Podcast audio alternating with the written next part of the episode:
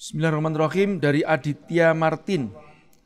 Akun bisnis Instagram saya sudah dua minggu ini diblokir Instagram. Tidak bisa follow orang karena saya pakai cara follow fall fallback. Akun saya dianggap spamming karena terlalu banyak follow orang dalam satu hari. Saat ini follower saya baru 370-an dan saya sudah pakai fitur Instagram Ads serta paid promote artis namun tidak ada efek. Bagaimana cara menaikkan follower yang sehat agar jualan saya bisa laris?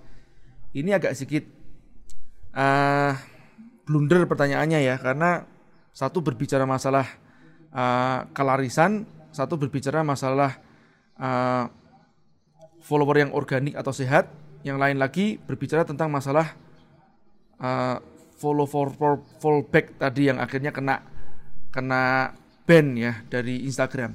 Nah, saya sendiri adalah airan yang menganut organik ya teman-teman ya. Dalam artian saya nggak mau namanya pakai manipulasi follow for fall back atau apa namanya ada yang istilah lagi bom like, bom komen. Saya nggak suka yang seperti itu. Kenapa? Karena pada dasarnya begini.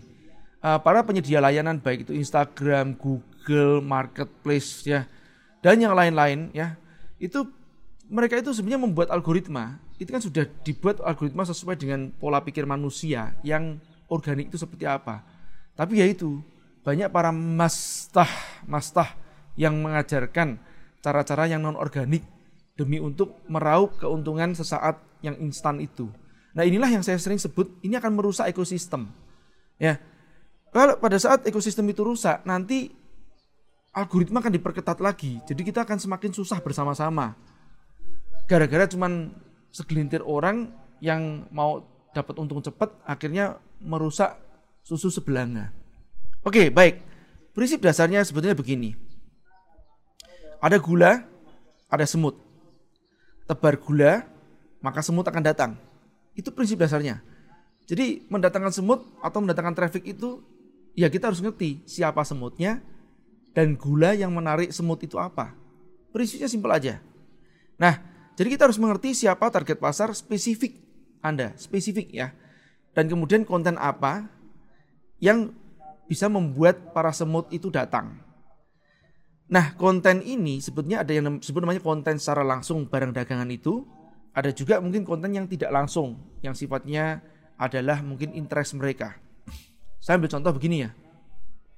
Konten langsung misalkan Anda berjualan hijab, ya konten langsungnya tentang foto-foto tentang hijab tersebut konten tidak langsungnya, nah kita harus ngerti duluan hijab ini untuk siapa nih misalkan, misalkan hijab untuk uh, mamah muda. Nah kalau bicara masalah hijab untuk mamah muda, berarti kan uh, konten-konten yang menarik bisa jadi tentang parenting. Nah itu bisa kita masukkan konten-konten tentang parenting. Nah jadi tidak harus kontennya tuh melulu barang dagangan terus gitu ya. Tidak harus seperti gitu. Ya, kadang-kadang juga bisa jadi kontennya itu mungkin tidak nyambung dengan barang dagangan ya kalau bicara masalah parenting kan belum tentu nyambung dengan barang dagangannya dalam bentuk hijab. Nah, ini yang paling penting seperti ini. Nah, uh, saya yakin banget ya kawan-kawan kalau orang itu bermain organik, dia akan berpikir jangka panjang. Nah, dia akan membangun brand bisnisnya dia juga iya, kredibilitasnya dia. Jadi jumlah follower sendiri sebenarnya tidak uh, bisa dikatakan berdampak pada pembelian. Jadi percuma Anda bicara masalah follow for fallback. Jadi memfollow orang tersebut supaya Anda mendapatkan follower yang banyak. Tapi yang follow semua alay semuanya. Alas konten tidak berkualitas atau mungkin mau nggak ada di follow banyak tapi follownya followernya adalah robot. Ya. Nah, uh, sebaliknya kualitas follower itu lebih utama daripada banyaknya follower itu sendiri. Jadi mungkin followernya nggak banyak tapi engagementnya kuat. Yang disebut engagement itu seperti like yang organik, komen yang organik, loyalitas dari mereka itu yang justru menurut saya lebih penting dibandingkan sekedar masalah uh, kuantitas dari follower tersebut. Terima kasih. Assalamualaikum.